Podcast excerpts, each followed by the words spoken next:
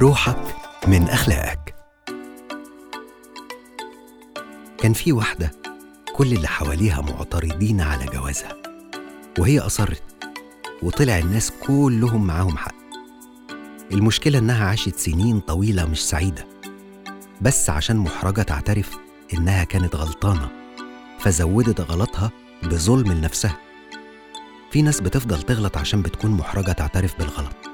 لأنهم أصروا على رأيهم لما الناس عرضتهم مش عيب تجرب بنفسك وتصر على رأيك حتى لو طلع غلط عشان دي رحلتك أنت مش رحلة حد تاني. لكن لما تكتشف إنك غلطت اقف بسرعة مع نفسك واعترف بغلطك وصلحه. محدش له عندك حاجة. عيب قوي تستمر في الغلط وتأذي نفسك بس عشان كرامتك وجعاك ومش قادر تواجه الناس.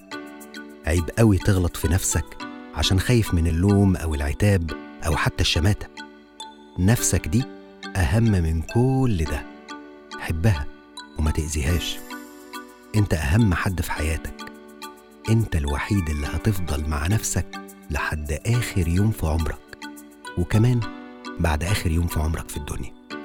يبقى أنت تستاهل تاخد بالك من نفسك وتحب نفسك وتحافظ على صحتك الجسدية والنفسية.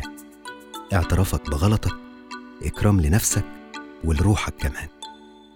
روحك من أخلاقك.